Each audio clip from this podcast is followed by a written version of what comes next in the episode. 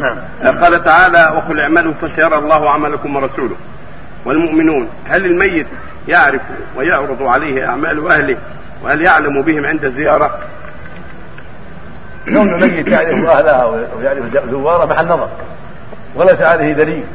والمراد بالآية والله أعلم أن الله يراهم دائما سبحانه وتعالى يرى عمل الناس والمؤمنون يرونه في الدنيا أعمالهم وتنشر يوم القيامة بين الناس. وهكذا الرسول يراها في الدنيا حين حياته ويراها يوم القيامة حين تنشر بين الناس على رؤوس الأشهاد. فالمعنى الحث على العمل الصالح وأن هذا سوف ينشر. يراه أهل الإيمان في الدنيا ويراه الله عز وجل ويراه المؤمنون يوم القيامة ويراه الرسول يوم القيامة ويراه في حياته فيما بين أصحابه رضي الله عنهم وأرضاهم.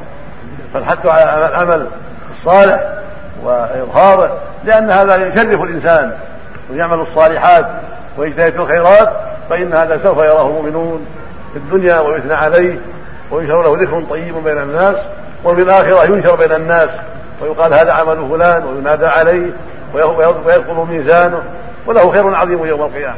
والضد بالضد نسأل الله العافية.